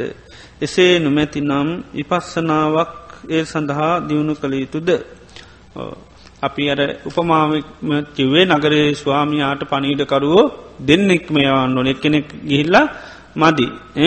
එකනෙත් ගිහිල්ලා කිවොත්තේම නිදාග නිදී කාමරයට වෙලා නේද? එක තැනක ඉන්න කියලා උපදේශයන් දෙන තොට නුවන නැතුරුත්මකද කරන්නේ? එතෙන්ඩ වෙලා නිදාගනම හිදී නේ වගේ සමාධී විතරක් බැහැ සමාධිය දියුණුකළොත් සමාධියෙන් ජානවලට පත්වෙලා බ්‍රහ්ම ලෝකයකට යන්න පුළුවන් ආකාසානංචායතනාදේවා අරූපලෝකල උපදිනවා. එනිසා සමාධිය පමණම් බැහැ විපස්සනාව අනිවාරයෙන්ම වඩන්නු නිපස්සනාව තුළින් තමයි අන්න අවිද්‍යාව කියන එක දුරුවෙලා ප්‍රඥාව කියන එක ඇති කරගන්න පුළුවන්. එනිසා සමාධිය දියුණු කරගන්න උපකාරයක් ඇටිට ඒ තුළින් අනිවාරයෙන්ම විපස්සනා කරන්නම ඕනයි.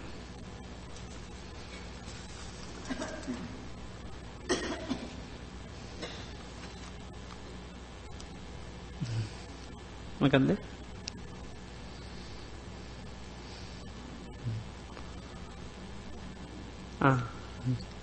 තමන්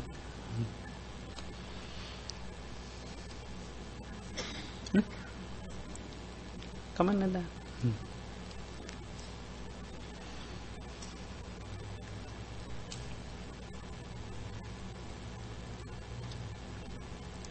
පින්සිතට බාධා කරන්න හොඳනෑ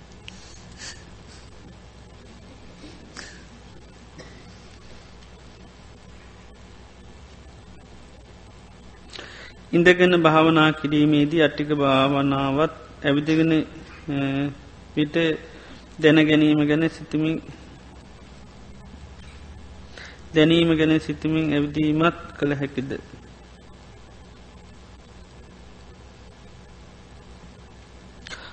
අට්ටික සංඥාව පරියංකවල්ල ඔන්නම් ඉරියව් වසයෙන් පුරුදු කට්ටියට කරා කළ එහෙම ගැටලුවක් නැහැ. ඉතිං අද මේ අටික සංඥාව කියන්නේ හැම තැනම වඩන්න පුළුවන් භාවනාවක් නිසා ඕන තැනක වඩන්නට පුළුවන්. ඉතින් මේ භාවන අපි ගොඩා කියල දෙනවා. ඉතිං එක එක්කෙනා තමන්ට පහසු ක්‍රමයකට භාවනා කණ්ඩුවනි ඔක්කොම කරන්න ඕනි කියලා එක පාට මේ වෙන්ඩ එපා.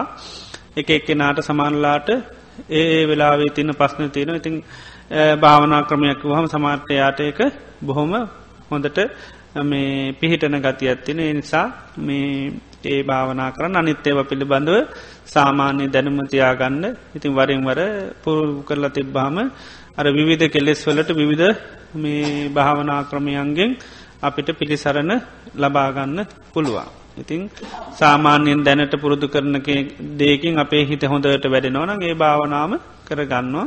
තිං අර බහුතරයක් අයට විධ දේවල්තින ති අපි නිසා බුදුරජාන් වන්ස විවිධ විදිහ මේවා දේශනා කරලා තින ඉතින් ඒවා අපි දැන ඉගෙනගෙන තියාගන්නවා අවශ්‍ය වෙලාව අපිට ඒවා පාවිච්චි කරන්නත් පුළුවන් ඒවා හොඳට ක්‍රමවේදේ දැනගෙන හිටියහ මේ භාවනාව කරන්න මෙහෙමයි කියලා ඒකයි. දැන් ධර්මය කියල කියන්නේ අවුද ගබඩාවක් වගේ කියනවා. මකදද ආවුද ගබඩාවක් වගේ. දේ ආවුද ගබඩාවදේ අවුද ටිකක් හුරු කරගෙන ඉන්දෝනි. නැත්තන් ඒ වෙලාවේ මේ පෙට්ටිය කඩලා නේද.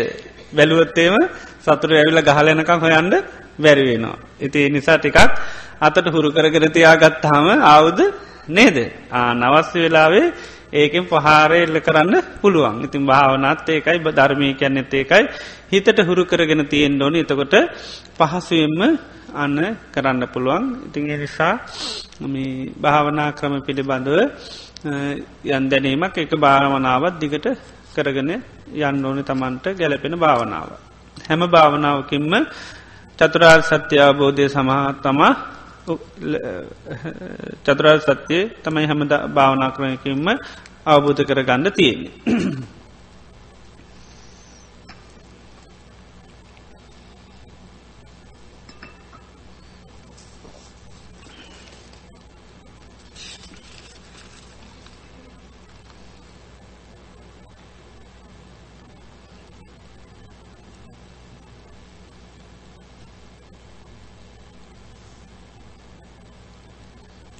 විකාල භෝජනය ශිස්සාපදය සමාදම් වූ පසුව එය ඊළඟ දිනයේ හිරු උදාවන තුරු රැකිය යුතු නේද? රාත්‍යයට ආහාර ගැනීම වැලකිය සිටිය යුතුයි නේද? එහෙමයි.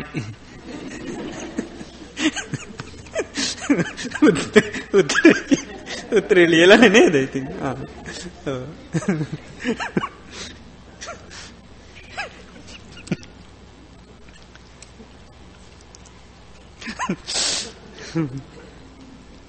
තොට මේ සෑම සිත්සාපදයක්ම සමාදන් වනකොට දිවාරෑ දෙකේ අද මේ අපි සිහිපත් කරන්නේ රාතන් වහන්සේලා දිවිය ඇතිතා කල්ම අන්න විකාල භෝජනය වැලක්ල මමත් මේ දිවාකාරයත් ත්‍රාත්‍රී කාලෙත් විකාල භෝජනය වලකිනවා. එසේ කිරීමෙන් රහතන් වහන්සේ අමනු අනුගමනය කරා වෙනවා හිවගේම පෝසතිද සමාදන් වුණා.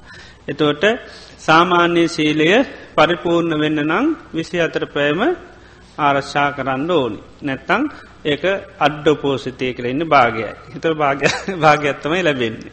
පින භාගයයි. ඉතිේ නිසාර ඉස්සර කතාවත්තියනවා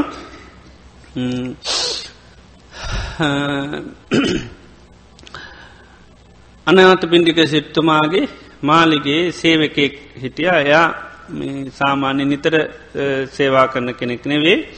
ඉතිං එයා ඒ මාලිගාවට වරින්වර ඇවිල්ල උදව් උපකාර කරලා ජීවත්වෙන කෙනෙක්. ති මෙයා දවසක් සිටුමාලිගේ වැඩකට කෙලින්ම සිටුමාලිගේට එන්න ඇතුව වැඩේට ගිහිල්ල හවස්වාරුවේ ආව වැඩේ කරලා අවසානය ආව. එනකොට එදාට වෙන්ඩ වගේ නෙවේ මේ කෑමබීමමකුත් නෑ ඔක්කෝම බණ භාවනා කරන මෙයා දැක්ක. සිටුමාලිගේ ඉන්න අය. එතොට ප්‍රධාන දාශයකින් ගිල් ඇව මොක දද මේ කිසිම කෑම්වීමකුත් නෑ මේ ඔක්කෝම වැඩ පොල නතර කරලා මේ මොක දර ඉඳගෙන ඉන්න හෙම කියල්. ඊට පසිතින් අර ප්‍රධාන දාසිකිව්වා අද පෝය දවසද අපි වැඩ කරන්නේ කවුරුත්. අද ඔක්කෝම බණ භාවනා කරනවා. ඉතින් කල්ලතුව කෑම්බීම ඇරගෙන අයිරාත්‍රී කෑමක් අපි ගන්න නෑ නිසා මේ අද මේ ඒ නිසා කෑමබීමත් නෑ කියලා. ඉතින් මෙයා ටති මෙයා කරපු විස්තරයත් එක ලොකු පැහැදීමක් ඇතිවුණ යාටත් එතොරික මටත් බයිද කියලා. ත්‍රක ඔයාටත් පුළුවන් දැංගිතින් දොල හපාවෙලා හැකෑම ගණඩ බෑ එනම් දැම්මෙම සිල් සමාදන්ගඩ කියල කිව්වා ඉතින් යා කියල දුන්න ඉතින් අරයනාගෙන කියා නැවිල්ල හොඳ සිල් සමාදංගල හිටිය. ඉතින් එයා ගොඩාක් මහන්ස් වෙලා මේ දවල් කාලය තිස්සේම මේ ඉතිං ආහාර ගත්ත නැති නිසාම උදරාබාධයක් වාතයක් හටගෙනයා රාත්‍රියම මිය ගිය. ඉති මිය ගිහිල්ලා එයා මේ ඉපදුනා උස දේවතාවක් වෙලා.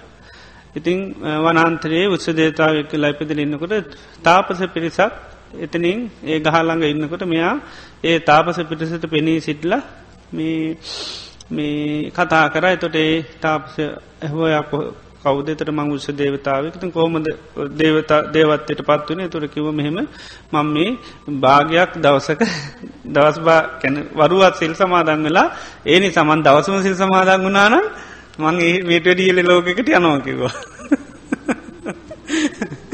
ඉතිං ඒ විදිේ අර ඒකයි භාගයක් මෙකරොත් පින භාගයක් තමයි ලැබෙන්නේ. ඒ නිසා සිල්ගත්තහම අනිවාරයෙන්ම ඉන්දෝනි ඊළඟ දවස වෙනකම්. මොකද මේ උපෝසත කියන එක මේ පන්සලේන්ද ලම කරන එකක් නෙවේ. උපවාස කරන්න තියනෙ කොහෙට ගෙදර ඉඳගන්න.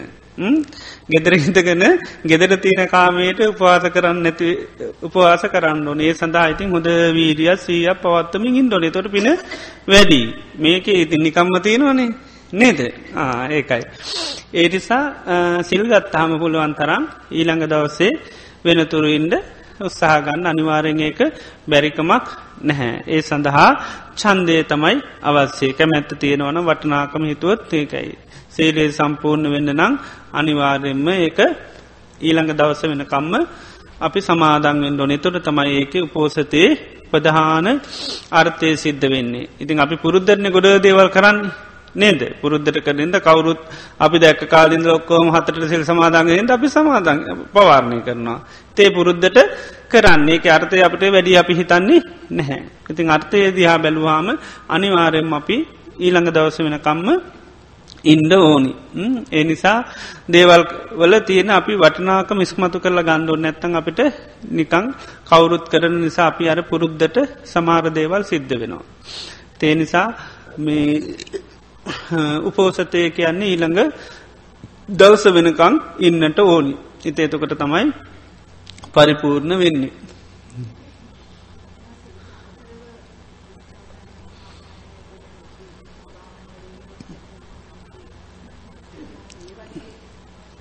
මෙහෙමයි මේ දැන් උච්චාසයන මහසායනයකෙත් මේ ආසන ගත්තම සුකෝභෝගී ආසවනවලින් සහ ගොඩාක් උස අසෝභන තැන්වල ඉඳ ගන්නවන් ඒ වගේ විදිහේ තමයි හොඳ නැත්ති. නැතුව සාමාන්‍ය තියෙන ඒවකමන්නේ ඉති වාහනේ තියෙන සීට්ක එහෙම ලොකු මේකක් නෙවෙයි. ඒ වගේවා එහෙම ගැටලුවක් නැහැ පරිහරණය කරා කියලා.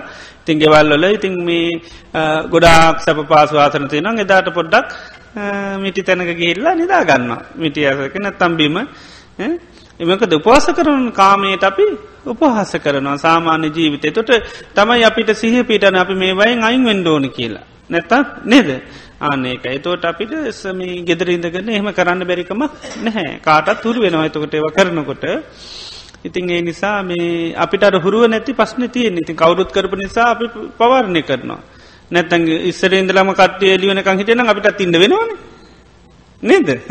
ආන ඒකයි. ඒ නිසා අපි විමසුවනේ අනිත් අය කර බින්ද අපිත් කරනවා.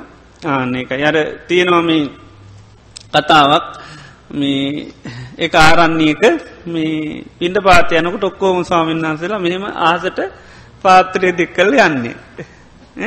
ඉතින් අලු ස්වාමීන් වහන්සනම කිය ආරන්නේට යනකට ඔක්කොම පාත්‍රය ආසට අල්ලල යන්නේ. ඉති මේ සයින්න සෑහ මොකද කියලා. එතරක ලොක අන්දුරු අල්ල යන්න. නිසා අපිත් අල්ලල දැඟින්න ලොක අන්දුරුන්ගෙන් ගෙන් ඇවවා උන්වහන්සට ඉස්සල්ල හිටිය ලොක අන්දුර අල්ලල යන ඉදගේ එතට මේ හාන්දුරුවන්ට ඉතුන මකක් කරි ඇති. ඒ ලොක අන්දුරුව පාචි කරපු පාත්‍රය තියනොද කියලෑව ඕ කිව්වා. ඒතින් උන්වහන්සේ ගිල්ල පාත්‍රය ආසට අල්ල බැලු බලන්නට ඉලත් තියෙනවා. ඉතින් ලොකු හාන්දුරුව පින්න පාතයන්න ඉස්සල්ල ඉලවා ගණ්ඩ තමයි ආනාසට අල්ලන්නේ. ඇයි ඇගිල්ලට වැැනෝනේ ඇගිල්ල තියාගෙන පින්න පාතයනවා. බැරිවෙලත් හොදි බුණුවරවේ වන්නත් හැලෙන හින්දා. ඉතින් ඒ වගේ නේද විමසා නොකර තමයි සමාර හිට අපි දේවල් කරන්නේ. ඉතිේ නිසා බලන්ඩෝනි ඒවා කරනකොට හොඳට මේ විමසලා කොහොමද අපේ සීලේ පරිපූර්ණ වෙන සීලේ කිලට වෙන්න මොනවන්ද ඒවා හොඳට බලලා එතකට තමයි ඒක පරිපූර්ණ සීලයක් හැටියට අපිට දියුණු කරගන්න පුළුවන්. එනිසා කවුරු සිල්රක්කේ විදියට රකිින් නැතුව පරම්පරාවේ සිල්රක්ක විදියට රකින්න ඇත පරම්පරාම වයිසට ගිල්ල සිල්ගන්න ඒ නිසාන අපි ගන්න වයිසට ගිල්ල නේද? එහෙම නැද්ද? ඒ නේද? ඒකයි. වයිසට ගියපුම් වයිසකායගේ තියෙන සීල ස්වභාවඇත්තම සිල් ගැනීම. ඉතිං අපි ඒ ස්වභාවයට අවතීරන්නේ නො නමුත් තරුණ කාලයේදී නෑ. ඉතිං දැඟ මේ අපි ඔන්න කාලයක් අවුදු විසපාකට තියකට ඉස ලම්මල තාත්තල දාලා ගියා සිල් ගන්න නේද? දැන් අපිෝ අපේ දරුව දාලා යනවා. ඊළඟට ඒ අයිගේ දරුව ඒයි දාල යනවා. ඇති නේද? පරම්පරාවට එතොට අන්න වයිසට ගි හාම සිල් ගන්න කියන එකත්තම ඔළුවොල්ට ගිහින්තින් දැන් සීලේ තිීන් ෝනි කොයි කාලෙද? අන්න තරුණ කාලෙ තම ඉතින මොකද සීලයෙන් කරන්න මොකද සම්පූර්ණ ආරශ්ා කරලා දෙනවා ජීවිතේ සිතකය වචනය දෙක තුනම ආරශ්ා කරනවා සීලිය තුළින්. ඉති ඒතොට ආරශ්ාව ලැබීයුතු කාලය අපි සීලි නැහැ. ඉතින් ඒකයි තේ නිසාර පරම්පරාවට ගොඩාක් අපි දේවල් කරන්නේ තේ පුරුද්ධට ඒ කාල වෙනකොට කරනවා. ඒ නිසා එහෙම නැතු අපි ඇයි සිරකින් ොන් සීලේ තියෙන වටනාකමක දේව අපි හොඳට විමසා බලාන්ඩෝන තොර තමයි සීලේ පිළිබඳව අපිට ආන වටනාකම තේරෙන්නේ. එතොට අපිට පුළුවන්කමට බෙනවා ඒ සීලේ හරියට පරිපූර්ණම රකින්න.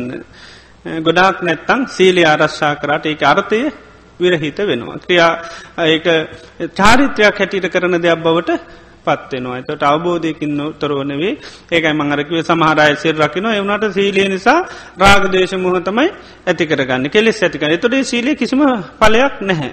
ඉති ඒකයි. එනිසා කෙලෙස් ඇති නොවන විදිර තමයි සේලේ ආරශ්ා කර ගණ්ඩෝන. එතොර තමයි ප්‍රෝජනය තියන සීලි.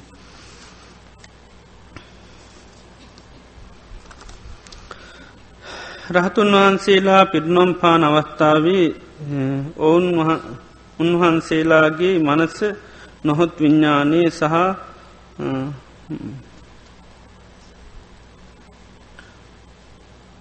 සාමාන්‍ය හා සාමාන්‍ය පොතජ්ජන පුද්ජලයන් මැරණ විට මනස විඤ්ඥානය අතර වෙනස පහදා දෙනු මැනව.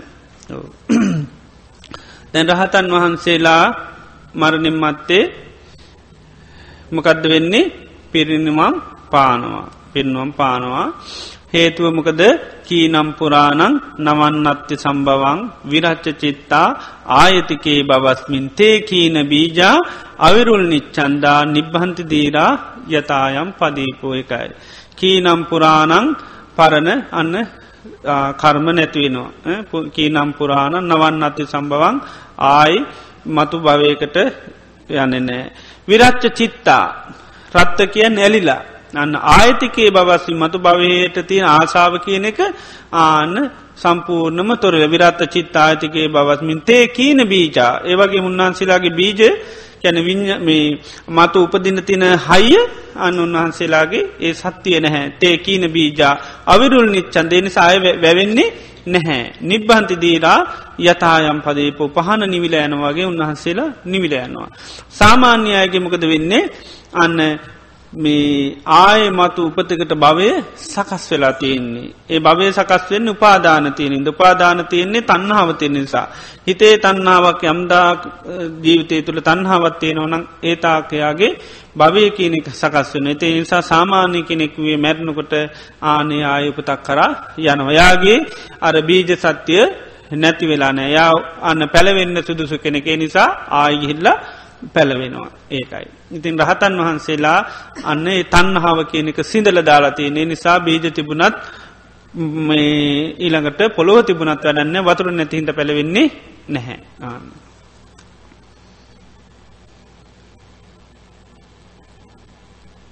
දේ නිසා සාමාන්‍ය අයගේ නිතරම මේ පංචුපාදානස්කන්දය කියන එක සකස් වෙනවා. මේක හල්තන පොතජ්ජන පුද්ජිලයාගේ මනස විඤ්ඥානය තව බවයක් කරා යනාකාරය පහදා දෙන්න.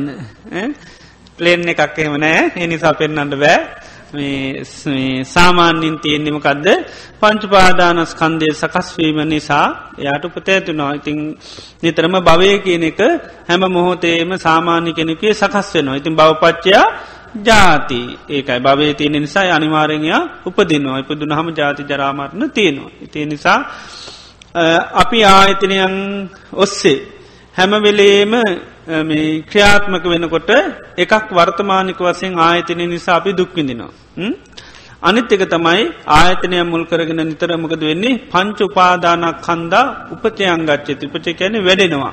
ඒකයි. ආය පංචුපාදානස්කන්දේ වැඩන එක මේ සලායතන ඔස්සේ අපි ක්‍රියාත්මක වෙනකොට සිද්ධයනවා. එකක් වර්තමානික වසයෙන් අපි කායික මානසික පීඩනවලට ලක්වෙනවා. අනි පැත්තෙන් ආය පංචුපාදානස්කන්දයක් කටගන්නවා ඊළඟට ආයතින් පුනක් බවා නිබ්බත්ති හොත ආය ආන්න නැවත උපතක් සකස් කරන තන්නහාව කියන එක වැඩෙනවා. තන්නහ වැඩෙනවා ඒ තන්නහ වැඩෙනකොට ආය උපතක් කරා යන්න අවශ්‍ය පසුබිම හැදෙනවා. ඉතින් ඒ නිසා සලායතනයන් ක්‍රියාත්මක වෙන හැමවෙලේම මේ එක පැත්තකින් අපි වර්තමානික වසයෙන් පීඩාවිඳිනවා අනි පැත්තෙන් භවය හැදෙනවා. ආනේ දෙක අනිවාරෙන්ම ස්ත්‍රිදනා ඒ අනිත් පැත්තෙන් තන්නහාව කියනක පෝෂණය වෙනවා. මේ සලායතන පාවිච්චි කරන හැමවාරයකම තන්නහාව තමයි පෝෂණය වෙන්න. ඒකයි. තන්නහා බලගතු වෙනවා. ඒ තන්නා වැඩෙන්න්න වැඩෙන්න ආන ආයඋපත තමයි සකස් වෙන්නේ.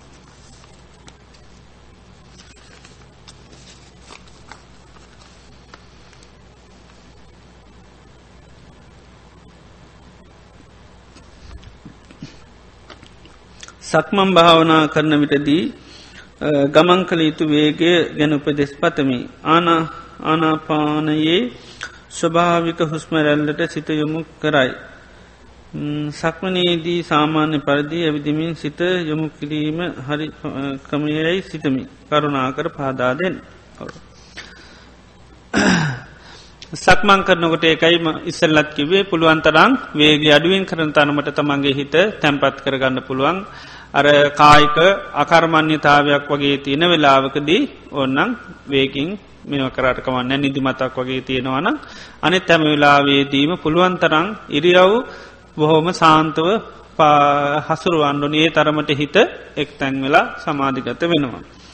තිං මේ ආනාපාන සති වරණයට තමන්ට මේ ඉරියාව පිළිබඳ හොඳට සිහ පිටවාගනේ භාවනා කරන්න පුළුවන්න ඒවා අය වෙනස් කරන්න ඕන්නෑ විදිහටම කරගෙන යන්ඩයි තියෙන්නේ. මං ඉස්සල්ලත් කිවේ මේ අලුතෙන් සමාට භාවනා කරම කියල් දෙනවා. ඒවා නොවැරිච්චියයට තවදයක් පාච්චිකානමකද ගොඩක් අය ආනාපාන සති විතරත් දන්න සමාරයට බැරි අයින්නවා කරගන්න. ඉතේ වගේ අයට බුදුරජාන් වහන්සේ ඉතින් වෙනත් ගොඩා දේශනා පෙන්නල තිනති අපේ වගේ දේවල් ඉගෙන ගත්තාම් සමාරයට ඒක පහසුවක් වෙනවා. චේතනාහම් භික්කවේ කම්මං වදාමි යන බුද්ධ වචනය අප හැමෝම අසා ඇත. මෙහිදී චේතනාව යනු කර්මය කරන පුද්ගලයාගේ චේතනාව පමණක්ද. උදාහරණ චේතනාවකින් තොරව සතෙක් අප අතින් චේතනාවෙන් තුරුව සතෙක් අපාතිං සතෙක් මරණයට පත්වන අවස්ථාවේද අවස්ථාවේදී මරණයට පත්වන සතාගේ තුළ ඇතිවන වෛරයේ චේතනාව නිසා අපට කර්ම විපාකක් ඇතිවේ ඇතිවේද කරුණා කර පහදා දෙන්න. අපේ චේතනාවත් එක්ක තමයි නිතරම කර්මය වෙන්නේ. තොට ඒ චේතනාවට ලක්වෙච්චි පුද්ජලයා විදින දේවලුත් එක්ක ඊට පස්සේ අපට කර්මත් ඇතිවෙන යා විදින දුක ඒ පුද්ගලයාගේ තින ගුණාන්තුන් භාවයන් ඒව වැඩිවෙන් වැඩිවෙන්න කර්මය කෙනෙක නිතරම වැඩි වෙනවා. එතොට චේතනාවෙන් තොරව කර්ම සිද්ධ වෙන්න වෙනත් අයගේ චේතනාවල් වලට අපිට කර්ම සිද්ධ වෙන්නේ නැහැ. අපි අපි කරපු දෙයක් අනුව කැන අපි සිතාමතා කරපු දෙයකින් කෙනෙක් පීඩා විඳිනවානම් එතකොට ඒවයින් අපිට අන්න කර්මය බලගතු වෙනවා ඉන්දවන්න විඳවන්න අර කෙනාට ඒකේ විපාක වැඩි.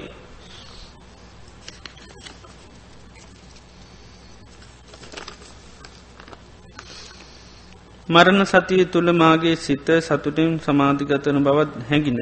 ඉදිරි දිනවරදී තවදුරටත් විස්තර වශයෙන් මරණ සතිය වරණ ක්‍රමය විස්තර කර දෙන්න.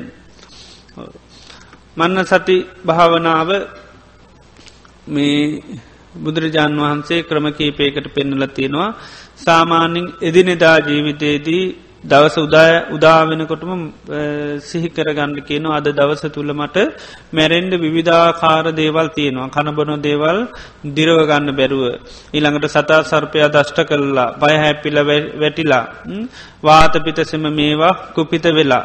ඊළඟට මනුෂ්‍යමනුෂ උවදුරුවලට ලක් වෙලා මරණයට පත්වෙන්න පුළන් අද කාලෙනම් ගොඩාක් දේවල් නේද.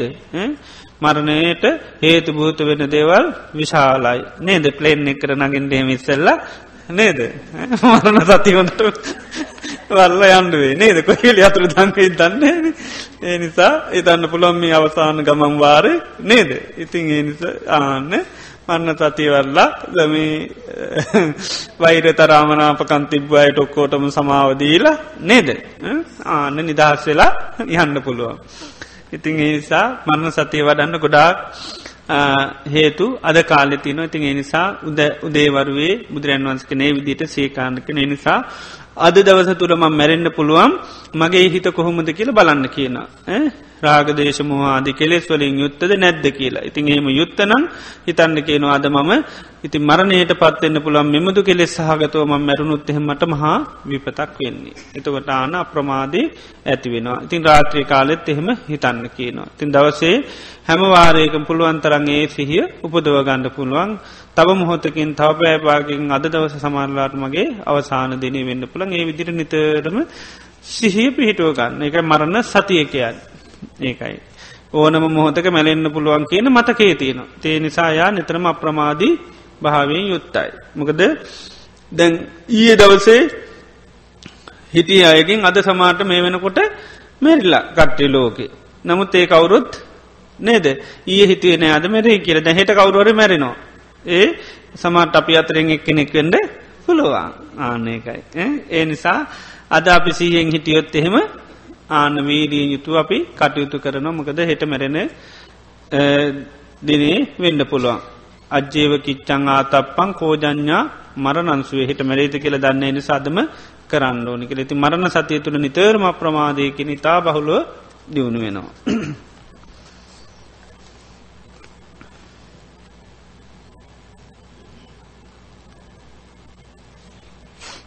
ඊය ධර්ම දේශනාවේදී නාමරූප ධර්මයන් අනිත්‍ය දුක්ක රෝගයක් වනයක් ආදී වසයෙන් සිහිකිරීම පිළිබඳව සඳහන් කෙරිනි. නාමරූප පිළිඳු අපට ඇත්තේ අනුමාන අවබෝධයකි සංඥා සංකාර විඤ්ඥාදී පිළිබඳ පිරිසු දැනීමක් අපට නැත. ඒ නිසා නාමරූප පිළිබඳව පත්්‍යශාබෝධයක් අබෝධයක් භාවනාතුළින් මුලින් මැතිකරගෙන එහි ආදීන මිනිහි කිරීම වඩා සුදු සුද්ද. එසේ නොමැතිනං ඒ පිළිබඳව දැනට ඇති අනුමානඥානයේ නාමරූප පිළිබඳව ආදීන මිනිහි කිරීමට ප්‍රමාණවත් කරුණාවෙන් පාදල දෙන්න. සාමාන්‍යයෙන් පංචුපාදානස්කන්දය කියන එකේ සාමාන්‍ය තේරුම අපි ඉගෙන ගන්නුල් මං එකයි අරකිව නිතරම රූපය කියනකොට අපිට හොඳට සිහිය පේට අන්ඩෝනිමකක්ද සතර මහාධාතුන්ගෙන් හටගත්ත දේ. වේදනාව කියනකොට හොඳට සිහ පේටවාගෙන තියෙන්නුනේ සැපදුක් උපෙක්කාමිදීන් ස්පර්ශපත්තියෙන් හටගන්න. ඉළඟට සංඥා කියනකොට හඳුනාගන්න දේවල්. අපි ඇහෙන් රූප හඳුන ගන්නවා කනෙන් සදිස් පර්ශපත්තියෙන් හන්න ගන්න අන්න සංඥාවකෙන හඳුනාගන්න දේවල්. සංස්කාර කියනකොට චේතනාත්මකව අන්න කර්ම සකස්වීම විඤ්ඥානී කියනකොට දැන ගැනීම. මේ වගේ සාමාන්‍ය අර්ථය මුලින් දැනගත්තහම හොඳට මැති ඊට පස්සේකේ අර අපි කාලයක් අපි සද්ධර්මර්ශ වනය කරනකට භාවනා කරනකට ඒවා තව තවත් පුළුල් වසයෙන් අවබෝධ කරගන්න පුළුවන්කම ලැබෙනවා. ඉතිං ඒ තුළ අපි ඉන්නගන මේවාගේ ආදීනුව සහි කරන්න සහි කරන්නන්න ඒ පංචුපාදානස්කන්දයට තියෙන මේ අපේ චන්දරාගේ බැඳීම ඇත් නැති කරගෙන අවබෝධය කරා යන්න පුළුවන් te මේවා ටික ටික කරනකොට තමයි ඒවා පිළිබඳව අවබෝධය ඇතිවෙන්නේ. ඉති මොකද අවබෝධය කියන එක භාවනාවෙන් විතරන්නවේ විමුත්තායතන කිය ඇත්ති නොවද විමුත්තායතන පහත්තියනවා. විමුත්ත කියන්නේ නිදහස්වීමට ආයතනය කැන් හදල දෙන්න. විමුත්තායතන පහත්තියන එකක් සද්ධර්මශ්‍ය වන විමුත්තායතනයක්. ධර්ම දේශනාවත් විමුත්තායතනයක්. ධර්ම සජ්්‍යායනාවත් විමුත්තායතනය. ධර්ම සම්මර්ශණයක් විමුත්තායතනත් සමති පශ්නා භාවනාවත් විමුත්තායතනයක තොට ඒ පස්තනදීම ධර්මි අවබෝධ කර ගන්න පුළන් තොට අපි දේශනා කරනකොට අපි හොඳට ඒවාගේ අර්ථ මිනිහි කරමින් හොඳට ධර්මය අහනවනන් එතනිදිත් අපිට යං අවබෝධයක් ඇති වෙනවා. තේ අවබෝධය තුළගෙන අපි තව සජ්්‍යායනා කරනවන එතනත් අපිට අවබෝධ කරගන්න. තව කෙනෙකුට කියල දෙනවනම් ඒ තුළත් යං අවබෝධයක් ඇතිවෙනවා. එතකට අපි ඒ වගේ අර්ථ සම්මර්ශනය කරනවා ධර්මයන්. එතකොටත් අන්න අවබෝධ වෙනවා. ඊළඟට සමත වසයෙන් පස්සන අවසයෙන් වරණකොටත් ඒක අවබෝධය නතුට විමුත්තායතන පහත්තින ඔය අවස්ථා පහෙම්ම ධර්මය අවබෝධ කරගන්න අය ඉන්න ඒකයි බුදුරයන් වන්සේ කාලේ බනාහනකුට සමහරු අන්න ධර්මය අවබෝධ කරගන්න. ඉතිේ නිසා අපි මේ පහම පුරුදු කරනෙන්ද ඒ අවස්ථාවලද අපට ඒවා පිළිබඳව මේ බනාහන කොටත් රූපේ පිළිබඳව යං අවබෝධයකට එන්න පුළුවන් ඒක තවදුරටත් අපි භාවනා වසයෙන් වන්නට තවත් පුළුල් ලෙස අවබෝධ වෙනවා.